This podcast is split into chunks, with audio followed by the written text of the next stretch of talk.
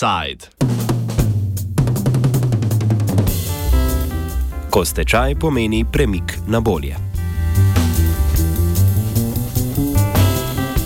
Stečajna saga vinarskega podjetja Agroindvipava je v prejšnji teden prešla v novo poglavje s predlogom stečajnega upravitelja Andreja Perdana, da se podjetje na dražbi proda kot poslovno celoto po izklicni ceni 2,4 milijona evrov.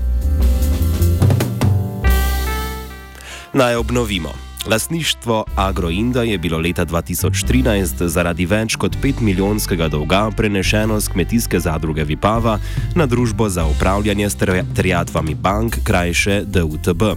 Ta je novembra 2015 podjetje s terjatvami za 1,6 milijona evrov prodala ukrajinskemu koncernu Demis Group, ki je v ta namen ustanovilo firmo Vipavski vinograd. Ker pa novi lastniki po prevzemu niso začeli voditi poslov, ki bi podjetju vrnili, vrnili solventnost, so kmalo prešli v konflikt z zaposlenimi, ki so tudi prvi vložili predlog za stečaj. Več o tem smo sicer že poročali v offsajdu, naslovljenem Agonija vipavskih vinarjev, katerega posnetek lahko najdete v spletnem arhivu. Potek dogajanja povzame predstavnik sveta delavcev Andrej Furlan. Eh, za lanski mesec, marec, april, pa maj, te plače pač so izostale. Ne. To je tudi briku razlog, da smo mi tudi lani sploh vložili marca meseca predlog za stečaj. Sicer takrat, ko smo mi dali predlog za stečaj, so nam zamujale plače december, januar, februar. Ne. Um, pa tudi ni bilo mogoče se takrat pogovarjati z takratno upravo, ukrajinsko upravo, karkoli se pogovarjati, da bi neko rešitev našli. Ne. In potem smo mi bolj iz obupa, ker nismo vedeli več kaj narediti, pa smo videli, da neke rešitve ni na vidiku, smo dali predlog za stečaj in, up, mislim, in menili takrat, to bo leto zdaj nazaj, Volim mnenje, da verjetno do bo pa nekako strezeno te lastnike in ukrajinsko upravo in se bo začela z nami pogovarjati, pa najšla neko rešitev ne? in preprečila ta stečaj, ker pač, da smo prišli do stečaja, če bi bili pravi lastniki spravi na mene, te, do tega ne bi bilo potrebno, da pride, kar se je zgodilo potem, ne? Ampak oni so pač očitno imeli neke špekulativne namene, kar se sedaj tudi izkazuje, ne? In niso niti reševali stečaja. Šele potem, ko je bil stečaj prvič uh, oklican, to je bilo 23. maja so oni videli, kaj stečaj pomeni. To so videli, tač, da se morajo pač ven iz, iz družbe, da prevzame vodenje stečajni upravitelj, da se pač uh, iz stečajne mase poplačajo tudi upniki. Šele potem so odreagirali in najeli odvetniške pisarne in se začeli krčevito uh, braniti, da pač stečaja ni. Uh, in so nekako uspeli na višjem sodišču dvakrat, kar da je stečaj padel. Ampak uh, po drugem pacu stečaja, to je bilo 14. oktobra, ko so se drugič vrnili v hišo, v tem času pa sumimo, da so naredili tudi veliko spornih, spornih eh, odločitev, spornih eh, transakcij, spornih eh, pogodb in vseh pač, kar je spornega, kar je tudi sedaj se izkazalo s tem, ko je stečajni upravitelj podal kazenske ovadbe zopr določene osebe, ki so pri tem sodelovali oziroma to delali kar samo še potrjuje, pač, da niso imeli dobrih namenov v reševanju firme, ampak so imeli praktično uh, preprečevali stečaj za to, da so se vrnili v hišo in delali te sporne transakcije in s tem črpali stečajno maso oziroma podjetje izčrpavali. Ne? Tako da tukaj briku je tudi del kriv, da se kako tudi na sodišču, da sodišče ni uh, kljub našim opozorilom in našim dopisom na sodišče in uh, vlogam uh, ni ustrezno ukrepalo in to preprečilo. Šele ko se je to vse skupaj zgodilo, ki so riše odreagiralo, potem so pa sami dali soglasje k stečaju, ker niso hoteli, da se kaj preveč ta stvar očitno uh, premleva. Ne? Danes je potekala novinarska konferenca regijske organizacije Zahodne Slovenije Zveze svobodnih sindikatov, na kateri so predstavili aktualno dogajanje v zvezi s tečajnim postopkom. Glavne točke novinarske konference povzame Furlan. Namen te tiskovne konference je bil nekako izpostaviti uh, težave v samem stečajnem postopku, kateri sedaj pri nas poteka in ko je bil stečaj dvakrat uh, preklican in zdaj smo v stečaju v tretjič, v tem času pa so se dogajale zelo, zelo, sumimo, da so se dogajale sporne uh, zadeve.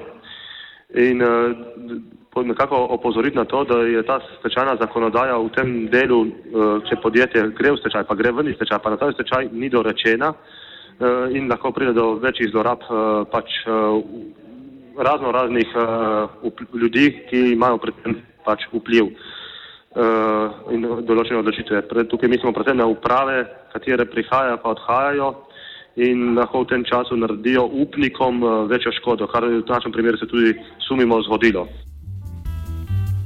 Furlan meni, da je zakonodaja pomankljiva, saj se je v družbo Agroint, ko je sodišče zavrnilo stečaj, vrnila stara uprava, ki naj ne bi delovala v korist podjetja, upnikov in zaposlenih.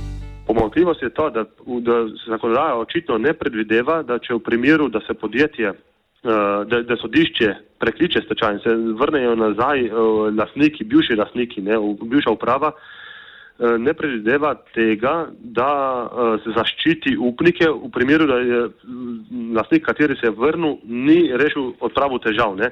V našem primeru recimo je sodišče zavrnilo stečaj, pozvalo okrajno, okrajno sodišče naj dopolni predal za stečaj. V tem času so se pa v hišo vrnili uh, bivša uprava, ki je lahko pač ta čas, ki je bil v hiši, izkoristila. Pač, uh, ni pa nič naredila, da bi podjetje vzpostavljalo stanje, da ni več primerov za stečaj. Ne? Se pravi, ni odpravila nobenih uh, parametrov, kateri so za stečaj potrebni. Se pravi, ni odpravila blokade računa, ni odpravila uh, predvsem, kar je najbolj pomembno, dokapitalizacija podjetja, da bi podjetje bilo kapitalsko ustrezno in tudi ni poplačilo delavcev za nazaj, ker mi smo tudi dejansko bili tri mesece presplačni. Tu so, tu so parametri, kateri so briku potrebni, oziroma če so te parametri spolni, je firma zrela za stečaj. Um, oni so nekako, njihov upravni zastopniki zagotavljali, da bo te parametre odpravili. Oni jih niso odpravili, kljub temu pa so imeli v tistem času, ko so prevzeli nazaj vodene podjetje, imeli popolno oblast nad vodenjem podjetja. In tukaj zakonodaja ne predvideva, kaj narediti, če se v tem času nekaj zgodi, če je nekaj spornega. Ne. Izklicna cena podjetja je 2,4 milijona evrov.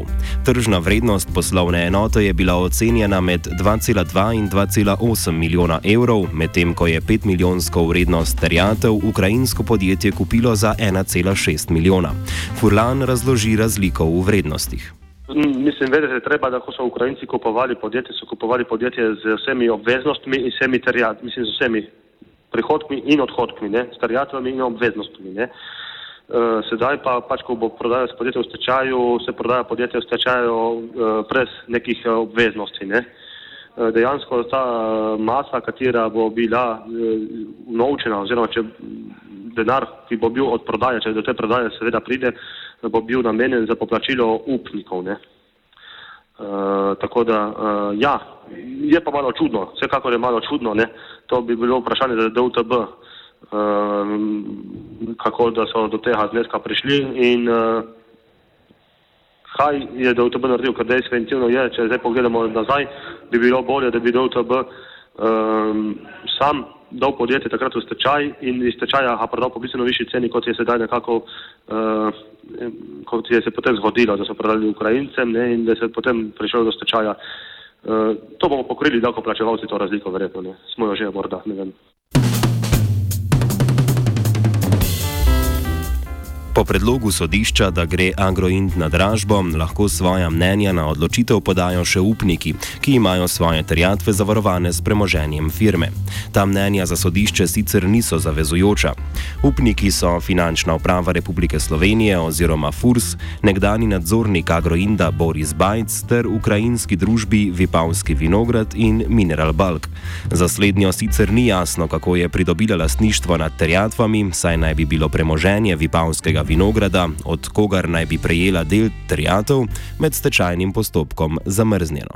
Zdaj, eh, sodišče je objavilo predlog za prodajo, ki jo pripravil stečajni upravitelj. Sedaj imajo ločitveni upniki možnost prodaje svojega mnenja na to prodajo. Eh, v tem primeru smo tudi mi opazili, da je v tem času med ločitvenimi upniki se pojavil tudi neka družba Mineral Bulk, katera pa v preteklosti s podjetjem Agroint ni imela praktično nič, ampak potem smo šli preveriti, kaj to je, to to je, smo ugotovili, da je bilo že 18. novembra v zemljiški knjigi upisana terjatev uh, hipoteka, na terja, hipoteka upisana na naših na zemljiščih Agroinda. Torej sumimo, da je prišlo do transakcije oziroma prenosa terjatve iz Vipavskih vinogradih, kateri so od DUTB-ja odkupili terjatov družbe, prenešene na ta drugo družbo Mineral Bulk, katera je sedaj lastnik, očitno lastnik te terjatve. Um, zakaj do tega prišlo, ne vemo. Dejstvo pa je, da je bilo potem 21. novembra so izvedli skupščino, kvazi skupščino, katera dejansko ni morala sprejeti pretvorbe te terjatve v kapital in 23. novembra na naroku, kateri je potekal, je, so za, zagovarjali dolžniki, se pravi Ukrajinci oziroma njihov pravni zastopnik je zagovarjal, da ta skupščina bila izvedena in da je terjatve pretvorjena v kapital. S tem, ko so to zagovarjali na sodišču, so zavedli vsekakor sodišče, pa tudi na supnike in uspeli, da je stečaj ni bil takrat 23. novembra zopet že uh, prek, o, o, oklican, ampak so nekako pridobili čas, s tem, ko so je sodišče vključilo finančnega eksperta in v tem času sumimo, so opet izvedli določene sporne transakcije, to, v tem primeru denarne transakcije. Um, tudi vse to dokazuje to, da je stečajni upravitelj Eh, kot nam je znano, podal kazensko vadbe zoper določene uh, osebe. Uh, tako da to, kar smo sumili že takrat, decembra meseca, da se ukrajinski lastnik, ukrajinska uprava dela sporne zadeve, se sedaj nekako potrjuje oziroma to bo morali potrditi določeni uh, organi, ki se s temi zadevami ukvarjajo. Upniki, ki terjatev nimajo zavarovanih v stečajnem postopku, so večinoma dobavitelji grozdja, ki naj bi jim agroin terjatve povrnil predvsem iz postavke tekočih poslov.